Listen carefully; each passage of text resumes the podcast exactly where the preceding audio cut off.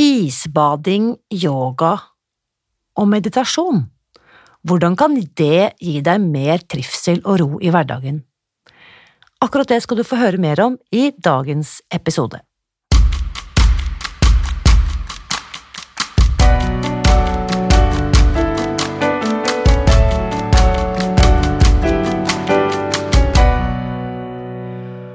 Jorunn Maria Djønne er utdannet i design og jobbet som stylist i mote- og reklamebransjen i flere år, og hun lagde kostymer for film før yogaen kom og tok henne. I 2013 etablerte hun et eget yogastudio i Bergen, og hun har de siste årene tatt i bruk noen oppsiktsvekkende teknikker for å gi seg selv mer ro og overskudd i hverdagen. Ikke nok med det. Hun ble så begeistret at hun bestemte seg for å lage en hel festival for å dele denne kunnskapen med andre. Det skal du få høre mer om i dagens episode. La meg først ta med en uh, tilbakemelding fra en lytter som skrev inn følgende kommentar etter å ha hørt intervjuet med Solveig i midten av februar. Nina skriver En fantastisk episode! Hørte den to ganger i dag. Tusen takk. Mange takeaways her, men den viktigste for meg er, som Solveig sa, når du gleder deg over lite, har du mye å glede deg over. Tusen takk skal du ha, Nina. Hei, Jorunn, jeg er så glad for at du kunne være med på telefon i dag. Ja, hei, veldig, veldig hyggelig å få være med. Fordi, ja, fordi at du holder jo på med mye rart, og blant annet akkurat nå når vi snakker sammen, så er du egentlig på Stord og holder Du utdanner andre yogaentusiaster til å bli yogalærere. Ja, denne helga så er det restorativ yoga det går i her på Stord. Mm. For de som ikke har holdt på med yoga, hva er restorative yoga for noe? Det er hvile må jeg si på min Karmøy-dialekt. Ja. Vi lærer oss å hvile, ja. rett og slett. Så Mange er kjent med yin-yoga. Der hviler vi òg. Vi holder stillingene i fem minutter, og så strekker det godt i kroppen. I restaurativ yoga så strekker det ikke i kroppen engang. Og så ligger vi og hviler i stillingene i 15-20 minutter. Så det handler om å påvirke nervesystemet og få det til å gå ned i rest and digest, i, god hvilemodus. Og slippe taket i alt dette travle som vi har, de fleste av oss. Og det tror jeg, jeg Jeg sitter her og rekker opp en hånd mens jeg hører på deg, fordi dette er ting jeg kjenner meg veldig veldig igjen i. Og da jeg selv tok min yogalærerutdanning, det er jo, den tok jeg på Oslo Yoga på, på Sagene, så var det disse modulene som handlet om restorative yoga, det var de som virkelig traff meg. Ja. ja, det treffer de fleste når de bare får skjønt hva det går i, og kjenne på hvor godt det er å virkelig komme i hvilemodus. For jeg tror mange av oss ikke vet hva det er lenger. Mm. Det er litt tankevekkende. Ja, trenger, det er litt tankevekkende at vi trenger å lære å hvile. Ja, det er jo det. Det er noe vi har mista på veien. Vi tror at det må skje noe hele tida. Det har vært veldig inn nå å ha sånn uh, full avtalebok og sånn. Det har vært veldig trendy i noen år å være veldig, veldig travel. Jeg er fullbooka, må se om jeg har tid. Klemme inn et eller annet uh, i min allerede så fullpakka uh, schedule. Mm. Men, men, det begynner å bli litt ut, heldigvis. Fordi, men du har jo også en sånn bakgrunn som travel og kreativ og outgoing og med på alt. Altså, når jeg ser på Når jeg tenker på den bakgrunnen du har som Du har jobbet i motebransjen, reklame, film altså der, Det tenker man jo på som et sånn it-yrke, ikke sant? Eh, eh, I sentrum for der det skjer. Mhm. Hva var det som gjorde at hva, hva, hva, var metningspunktet for deg? Hva var det som gjorde, skapte dette skiftet? Noe har jo skjedd. Noe har skjedd, ja. Jeg begynte jo med yoga midt inni der et sted. Jeg var ganske hissig som person. Og veldig travel, hissig, irritert, irritabel. Og så kjenner man jo når man gjør yoga, at da skjer noe annet. Når det gjorde veldig godt. Um, og til slutt så ble jeg vel også dytta over i det, for jeg var for travel. Og da smeller man jo etter hvert. Som jeg er godt kjent med. Denne veggen som man møter og sånt. Så, så jeg tror jeg ble litt dytta over i, i, i yogaen. mm. på grunn av det. Og, og, kjente at jeg ikke hørte hjemme i det her tempoyrket òg. Kjente jo at det ikke gjorde noe godt med meg. og Ble litt lei av dette presset som ligger der. Jeg gadd ikke det der presset. Må være mm. på topp hele tida. Gadd ikke ha noe med det å gjøre lenger. Mm. Så da ble det yoga i stedet, da. Så, men jeg har jo en sånn do it fluid i meg, som jeg kaller det. Jeg liker å gjøre, så derfor så driver jeg studio også. Ja, For det er jo ikke sånn å forstå at du ligger og hviler, stort sett. Det er jo ikke sånn. Det er i hvert fall ikke mitt inntrykk av deg. Kanskje ikke hele tiden, nei. jeg, jeg, må få lov til å fortelle hvordan vi to traff hverandre. Det er nå, Jeg tipper at det er omtrent to år siden, våren 2018. Mm. Da hadde jeg rotet meg bort i en workshop eh, med en anerkjent lærer. Jeg skal ikke si navnet hennes, for hun er veldig veldig populær og veldig veldig dyktig. Jeg ble så trygget på bakerste benk, jeg ble så irritert. Eh, men jeg traff deg på den eh, fem dager lange workshopen, eller hvor lenge den varte, og det var jo en gave. Så vi satt ute i solen på benken der og snakket om mye som er fint. Og da fortalte du blant annet at det skulle noen, eh, ikke lenge etterpå, noen måneder etterpå, så skulle du ha en liten workshop i Marrakech, som jeg selvsagt fant ut at det må jeg bli med på. Ja.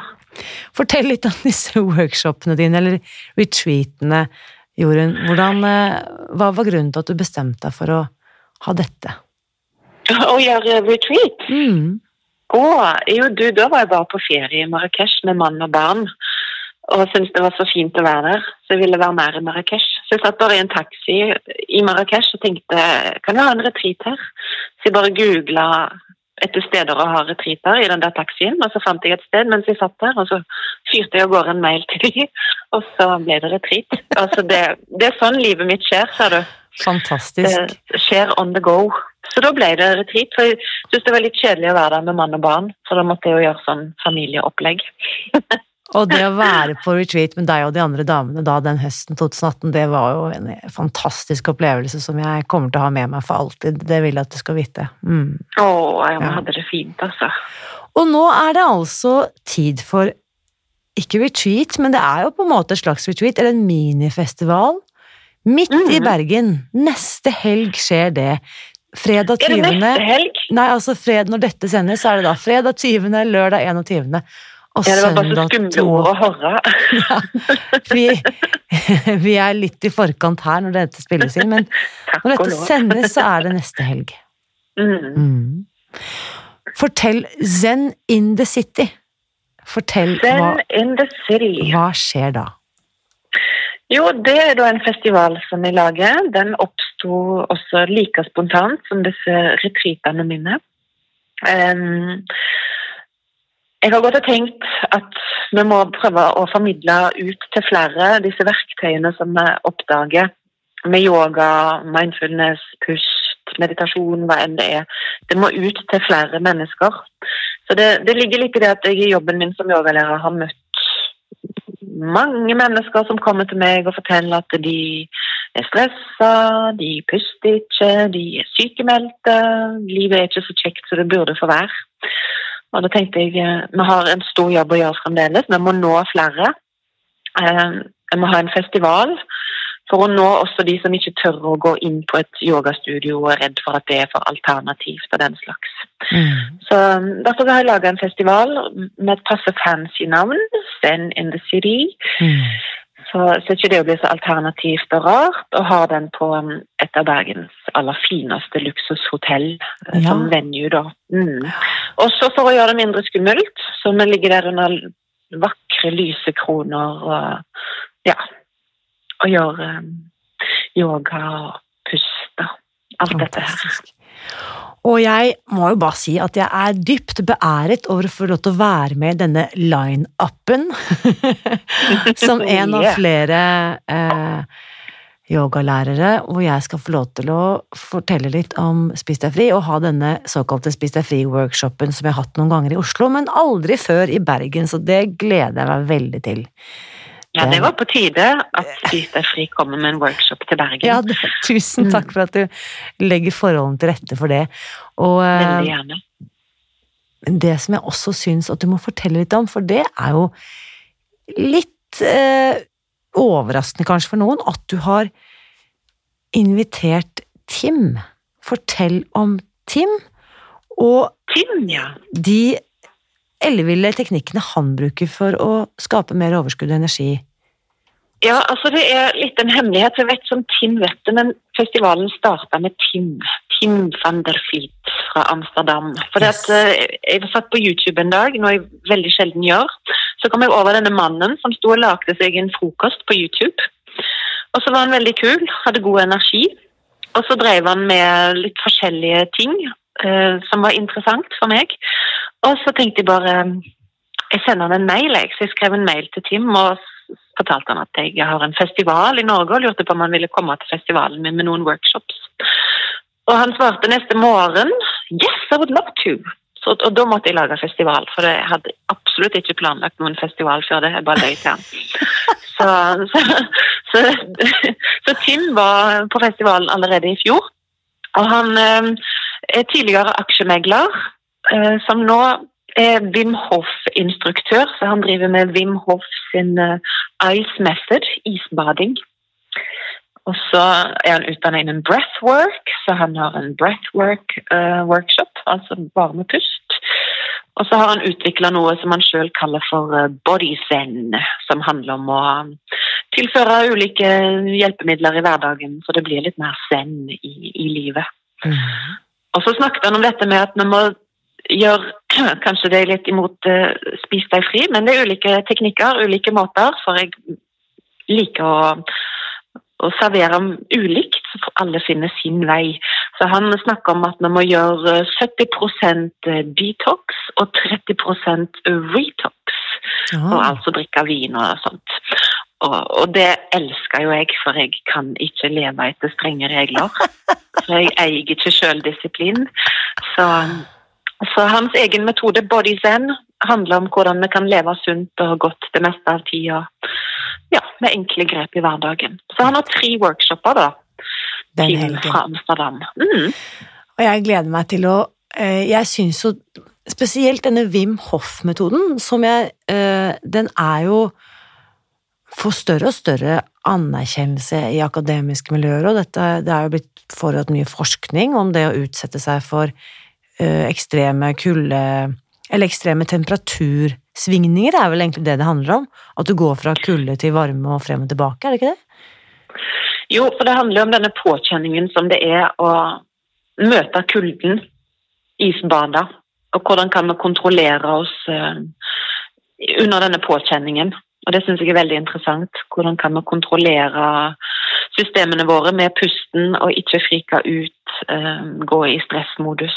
Og det er jo noe vi da kan videreføre til livene våre og lære oss å håndtere påkjenning generelt bedre Mm. med å kunne disse teknikkene. Så tester man det liksom i kaldt vann, og så har det masse helsegevinst det å utsette seg for kulden òg, har det vist seg. Så, så det er mye å hente i, i denne teknikken. Hvordan har, overført, bare- ja, hvordan har du overført disse greiene, denne kunnskapen du har tilegnet deg? Hvordan ser det ut i hverdagen din? Driver du med litt sånn en liten isdupp? Hopper du i fjorden hver dag, eller hvordan gjør du det? Nei, jeg liker ikke Jeg er litt sånn redd for dypt vann. Som, Ja. som ikke er krystallklart, når jeg ikke vet hva som er nedi der. Ja, Så jeg dusjer bare kaldt hjemme ja for du min gjør det. del. Ja. Hver dag? Men det har jeg drevet med før i livet òg. Ikke hver dag. Jeg, eh, jeg har jo ikke selvdisiplin, så jeg gjør bare ting når jeg har lyst. No one tells baby what to do. Ja, ja. Så jeg gjør det etter behov, men når jeg trenger en oppkvikker og Jeg har merka det når jeg har menstruasjon, så er jeg litt mer sart. ja. Så da liker jeg f.eks. ikke å gjøre det. Og det tenker jeg at det er det kanskje noe i òg. Kroppen er jo annerledes da, så jeg liker å ta hensyn til det. Altså. Mm. Men, eh, men for min del så er det alle disse teknikkene som jeg har lært meg opp gjennom årene og utsatt meg sjøl for. Summen av alle de har jo endra meg. De har gjort noe med meg. Jeg har fått lov å komme hjem til meg sjøl, og jeg kan møte livet på en annen måte. Uh, og jeg, tror ikke jeg bevisst tar i bruk teknikkene i ulike situasjoner. Jeg tror bare de sniker seg innpå der de trengs. Mm. Om det er pusten, eller om det er å sitte i meditasjon når det stormer for mye. Ja. Så, så jeg prøver å si det til folk at det er jo ikke noe quick fix, noe av dette her. Men Mm. vi inviterer teknikker vi kjenner passer for oss inn i livene våre. og og går kanskje først bare og møter de på en klasse, en yogatime her og der, en pusteworkshop her og der, en eh, ice method workshop på en zen-festival. Mm. Og så tar vi de inn i livene våre når vi er klar for det òg, tror jeg. Så Ja, jeg, jeg liker det bildet du hadde der du sa at du liker å servere ulike ting. Og det er også sånn som jeg har litt sansen for, at, at vi kan se for oss f.eks. en festival eller en retreat som en slags buffé. Så kan jeg få testet ut forskjellige ting. Dette kjenner jeg skaper gjenklang i meg. Dette vil jeg ta med meg inn i hverdagen min nå.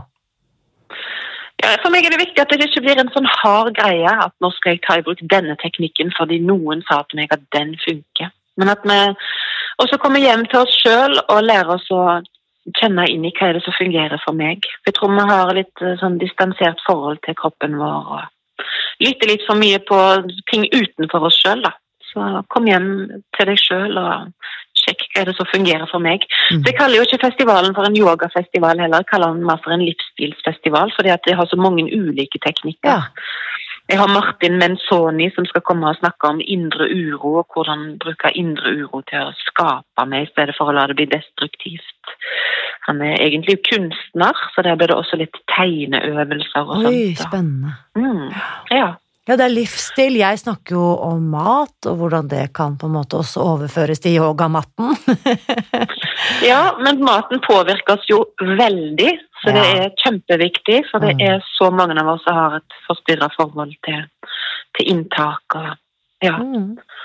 Og det Og- kan og- også bli en arena for prestasjon, ikke sant? Alt det der man skal få til rundt kropp og mat og restriksjon eller ikke, eller at det også er noen mentale greier da, som vi overfører Ja. til eh, Som kanskje er veldig fordelaktig å bare puste ut og gi slipp på.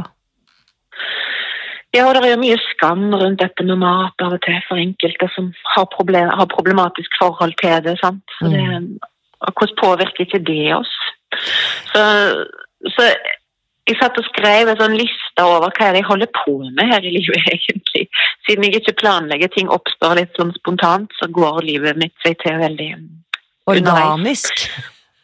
Ja, jeg liker det. Akkurat det ordet liker jeg veldig godt. Mm. Så da skrev jeg en liste, og da var jo selvfølgelig dette med mat med, selv om jeg ikke driver med teknikker og, og rådgivning rundt mat. Men, men det må handle om det likevel, selv om jeg er ikke den som snakker om det. Så nå kommer du å snakke om det, for det er kjempeviktig. Mm. Ja, det er forhold til trivsel og sykdommer vi kan få. Og, men vi vet veldig lite om det òg, tror jeg. Så det er veldig viktig at vi lærer om det igjen. Jeg tror det er rett og slett gå tilbake til Nesten litt sånn gå tre generasjoner tilbake og finn svaret. Hvordan var det de gjorde det? Hvordan, før verden liksom gikk av hengslene. Um, Ja, men vi faktisk, jeg tror vi visste mer før. Vi visste mer før, for vi levde mer i kontakt med det som var ekte og naturlig. Og Ja. tenk deg bare det at eh, da jeg vokste opp, eh, vokste opp i en leilighet midt i Oslo by, men det var hviletid i gården. Da hadde ikke vi barna lov til å øve på instrumenter eller hoppe, hoppe strikk på stuegulvet, for da bodde det noen i etasjen under. Ikke? For da skulle gamle herr Andersen i etasjen under, han skulle da hvile middag. Og det var hviletid i en bygård midt i Oslo, full av unger, og det Ja, respekterte det vi. Ikke sant? Ja. Og det skulle være stille etter et visst tidspunkt, det var ikke lov å bruke fellesvaskeri i kjelleren etter klokken åtte om kvelden. Det var, det var noen helt sånne grunnleggende kjøreregler at hverdagen skulle legges opp til at det skulle være nok tid til ro og hvile også. Altså, det er musikk i mine ører å høre om, for du er jo ikke så gammel, Irina, så det er jo ikke sånn kjempelenge siden. Det er ikke lenge siden. Så vi må bare tilbake dit. I gamle dager, Eh, vet du, og det er, det, ja, i gamle dager, den, den gang jeg var ung. Eh, nei, men det er jo Det skjønte man da, og det er ikke så veldig lenge siden. Mm. Og det er så mye medisin i akkurat det der med å stoppe litt opp og falle litt til ro i livet. Mm. Mm. Og nå på restaurativ workshopen her nå, eller på utdanningen som jeg har her i helga, så blir det akkurat nevnt òg. Eh, av de, for det andre kurshelga vi har, den går over to helger. Og da mente hun ene akkurat det med fordøyelsen. Mm. Den var så endra etter at hun har jobba med denne restaurative yogaen hjemme og hvilt. Sånn at kroppen får eh, komme litt tilbake og, og jobbe normalt igjen. Så det var full takeoff i fordøyelsessystemet her. Fantastisk. med, med hvilen, altså. Mm. Fordi det som mange ikke er klar over, er jo det du, det du nevnte innledningsvis. Nemlig det hvis jeg ikke får hvilt, så får kropp, kroppen er ikke i stand til faktisk å digest. Mm. Hvis jeg bare løper rundt i et sånn der eh, hamsterhjul og er en stressa kanin, sånn Duracell-kanin, så har ikke kroppen tilgang på de ressursene den trenger for å faktisk ta hånd om maten og energien vi stapper i oss. Nei. Nei, da tar han av energien som skal gå inn i fordøyelsessystemet, og tar den energien til heller å opprettholde dette eh, tempoet og stressnivået. Mm. For han har ikke nok til alt på en gang, som å ta fra det ene for å gi til det andre, rett og Mm. slett. ja. Så det går fort utover fordøyelsen. Så det går på bekostning av noe. Mm. Mm. Um, Zen in the city har du kalt det. Jeg liker ordspillet. Eh, Jeg håper alle tar referansen. Eh, og jeg, og jeg, liker den komboen av veldig høyt og veldig lavt, eller litt sånn populærkultur og veld, noe veldig sånn spirituelt. Men fortell, eh, Jorunn, hva legger du inn i dette begrepet zen? Ja, hva legger jeg inn i det? Oi, for det er jo noen sitt begrep. Men for meg er det eh, ganske vidt. Jeg ønsker bare å by på litt mer eh, zen i form av eh, lavere skuldre, roligere pust. Kanskje, kanskje først og fremst i form av mer trivsel, altså. Og Det sier ikke at folk ikke har nok trivsel, men som sagt, basert på det folk kommer og forteller til meg, så er det litt for mye stress, og det henger sånn over folk at det sluker litt for mange av oss. Så det betyr ikke for meg at eh, hele verden skal sitte i lotusstilling med lukka øyne og ikke gjøre noe, for vi skal fungere, men jeg ønsker at vi skal finne mer ro i livet til å, å fungere på. Og jeg tror vi kan gjøre like mye med større ro når vi bare lærer om det og blir bevisst det. Så det ønsker jeg å spre, da. Fantastisk. Ja, det betyr ikke at jeg aldri stresser lenger, men jeg gjenkjenner stresset og kan fortere ta meg ut av det og komme tilbake til et mer behagelig modus. Da. Der jeg likevel får jobben gjort. Og det ønsker jeg å inspirere andre til òg. Og jeg vet at det er mye livsstilssykdommer og plager vi kan spare oss for. Hvis vi bare lærer oss å komme litt mer hjem til oss sjøl og det som er vår naturlige måte å fungere på. Da. Så vi ikke må spise av energien som skal gå inn i disse andre egentlig viktigere prosessene i kroppen. Ut av stresset, tilbake ned i kroppen og Livsviktige. Disse livsviktige funksjonene. Mm, som går, ja, sånn som du sier. Vi tærer på. Mm, Ja, rett og slett. Vi spiser opp av oss sjøl. Mm. Og så vet vi ikke så mye om det. så det, Du sa det. Back to basics, altså. Mm. Mm. Jeg, eh, det som jeg også tenker at grunnen til at jeg på en måte digger det arbeidet du gjør, er jo eh, Jeg kjenner meg for det første veldig igjen. Å være i det travle 30-tallet. Man er 30-something, karrieren er liksom på vei én vei, sånn og sånn og sånn, og likevel så er det noe som bare roper sånn alarm, stopp, SOS, hopp av dette toget, vi er på vei mot kanten, liksom. Mm. Og så gjør du det, og så oppdager du noe som er eh, på mange måter mer verdifullt, tenker jeg. Eh, på alle måter mer verdifullt, selv om ikke det nødvendigvis verdsettes like høyt, enten det skulle være i selv om man ikke får like godt betalt, eller at det ikke er like stor sosial eh, status eller anerkjennelse. Men likevel, Mm. du finner dette, og så bestemmer du deg for at dette må flere få vite om. Mm. Ja. At du ikke beholder det for deg selv, men at du deler så raust som du gjør da, Jorunn.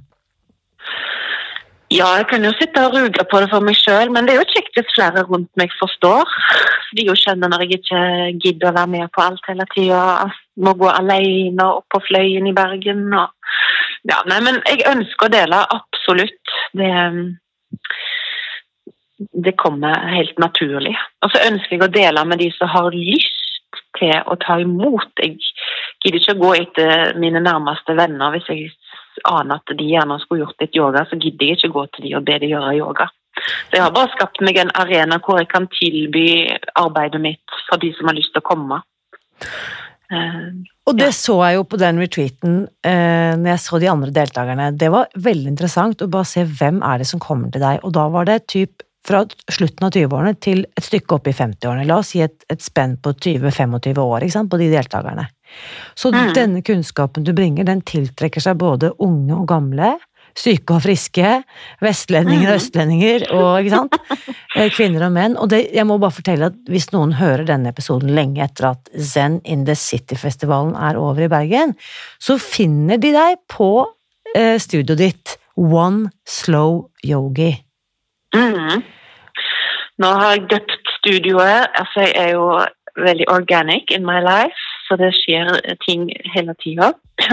Så nå heter studioet mitt Atelier Yoga by One Slow Yogi. Så, Nettopp. um, Atelier mm. yoga. Atelier studio. Hva sa du? One Slow Yogi det er jo litt skremmende for noen, for det er ikke alle som skjønner at slow er så kult. Så jeg kunne ikke bare kalle meg det lenger. Så jeg pleier å si at jeg er One Slow Yogi. I'm the One Slow Yogi. og så er Atelier Yoga studioet. Så ja.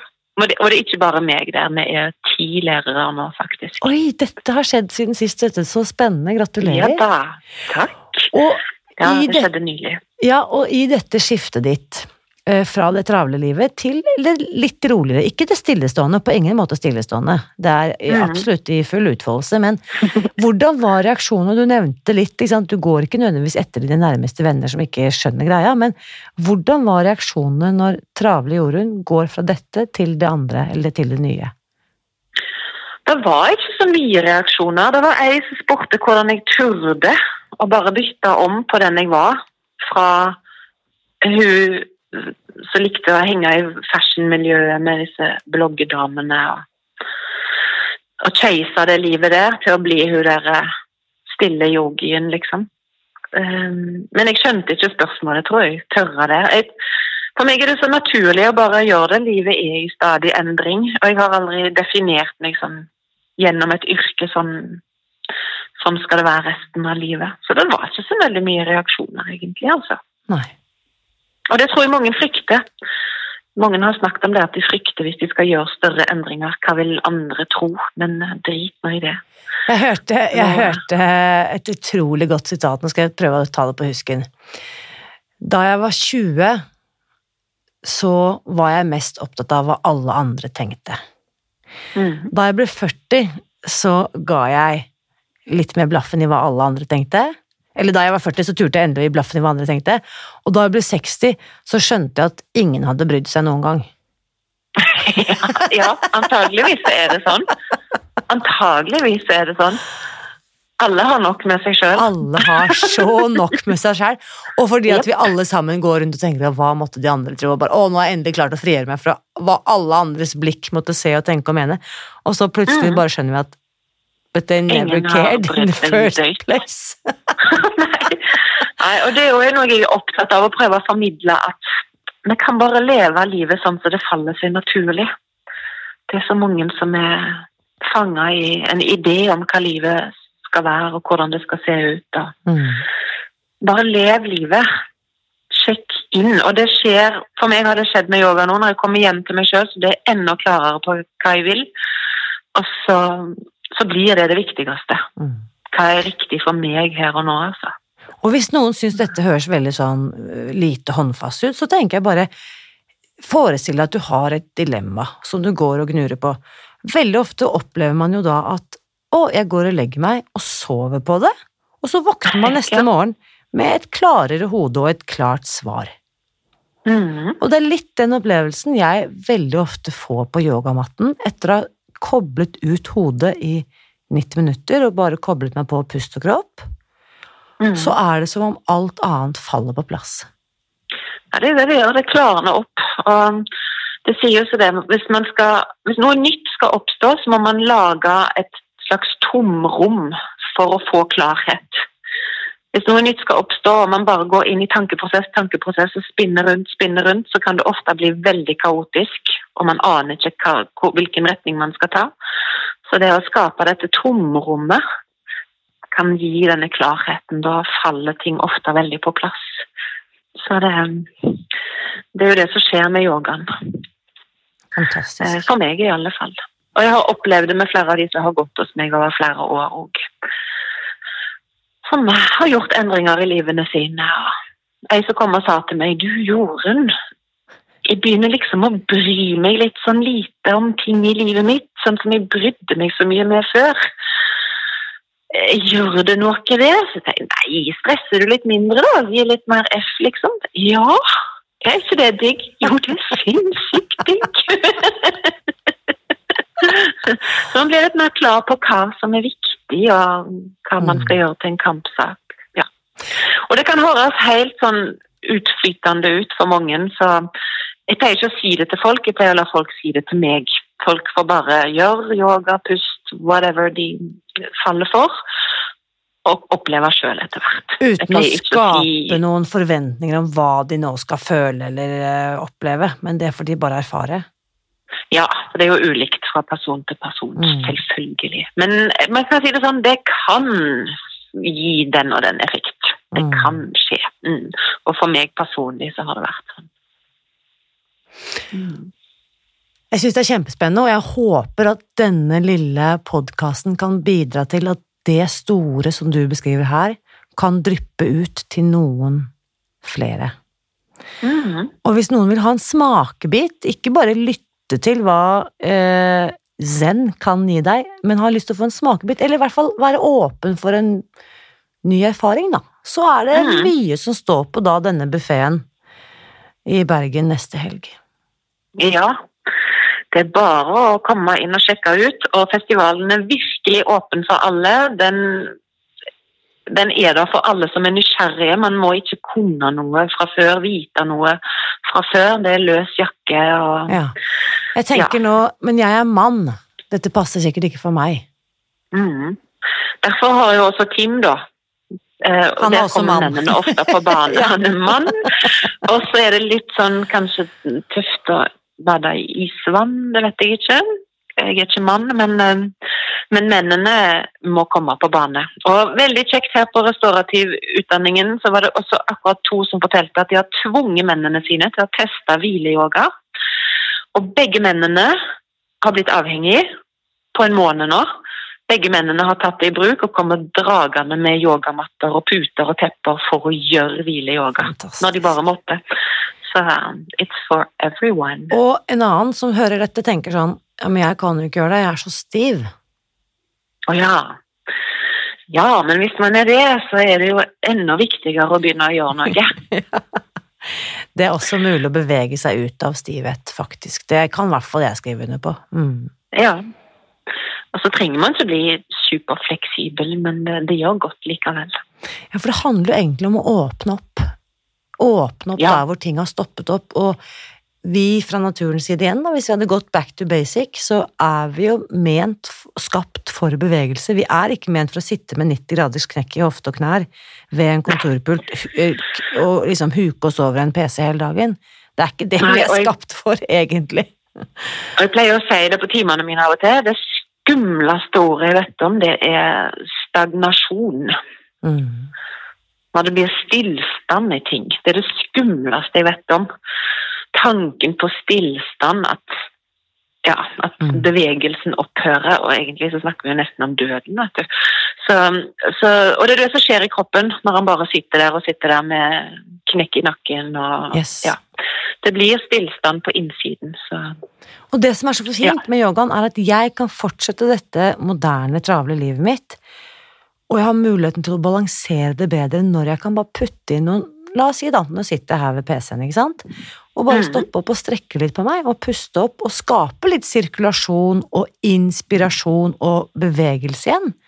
Så har kroppen bare i løpet av noen få pust fått et mye bedre utgangspunkt til å dykke tilbake inn i dette stillestående, fokuserte, og sånn kan jeg veksle mellom Ja, stillstand vi trenger ikke å gå på en yogatime, nei.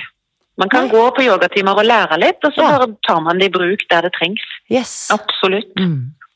Ja. Så jeg gleder meg til å både få være en del av buffeen, kom, kom Ja. og plukk på meg, men ikke minst også få oppleve og eh, utforske mye av det andre rikholdige som tilbys der. Så tusen takk, Jorunn, for jobben du gjør, og at du deler så raust med alle oss andre. Ja, men bare hyggelig. Jeg bare gjør det som føles helt naturlig for meg, og det var tilfeldigvis dette arbeidet, så jeg koser meg hele tida. Fantastisk. Tusen. Never a dull moment. Never a dull moment. Nei, så det mm. Så hjertelig velkommen, Irina, og alle dere andre òg. Bli med på festival. Bli med og møte oss der, og sjekke ut arbeidet vi driver med. For det funker bare når, når, folk kommer til oss, når vi møtes. Det er veldig viktig at vi møtes. Se hva vi kan få til sammen. Jeg er mm. så enig i den påminnelsen. Det er i det møtet det skjer, og det er ikke prestasjon i det yogarommet, men det er bare den lille praksisen, den lille erfaringen. Og dette er ikke noe man kan lytte seg til eller lese seg og forstå. Dette må rett og slett erfares i kropp på en matte. Det må bare gjøres, ja. Ja. Just do it. Just do it. Ja, og prestasjon snakker vi ikke om, det er helt ut. Det, det gjør godt for oss sjøl. Det er skikkelig, det er skikkelig 90-talls. Mm, ja, la oss si det sånn. takk for praten, Jorunn. Sjøl takk, Irina. Vi ses på festival. Det gjør vi. Mm. Så hvis du er klar for litt zen i hverdagen, så bli med på Jorunns minifestival i Bergen neste helg.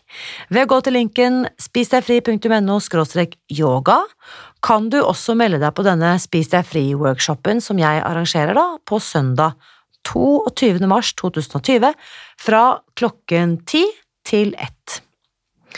Apropos Bergen, førstkommende lørdag, det vil si 21. mars, er jeg også invitert til eh, Nordli bokhandel på Galleriet for å signere bøker. Det er klokken to. Så hvis du er i nærheten av Torgallmenningen ved totiden, så håper jeg du svinger innom Nordli. Og uansett om du er i Bergen eller ikke, så bli med i den åpne Facebook-gruppen vår Spis deg fri. Her fortsetter samtalen etter dagens episode, hvor du også kan dele dine beste tips for å ta vare på deg selv i hverdagen.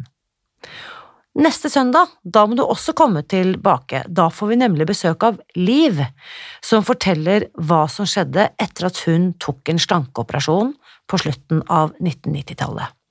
Den episoden vil du ikke gå glipp av. Husk også at mitt motto er at gode nyheter er skapt for å deles så del gjerne denne episoden med andre hvis du hørte noe som var verdifullt for deg i dag. Og uansett hva du velger å gjøre for å ta vare på deg selv, vit at jeg heier på deg. Alltid.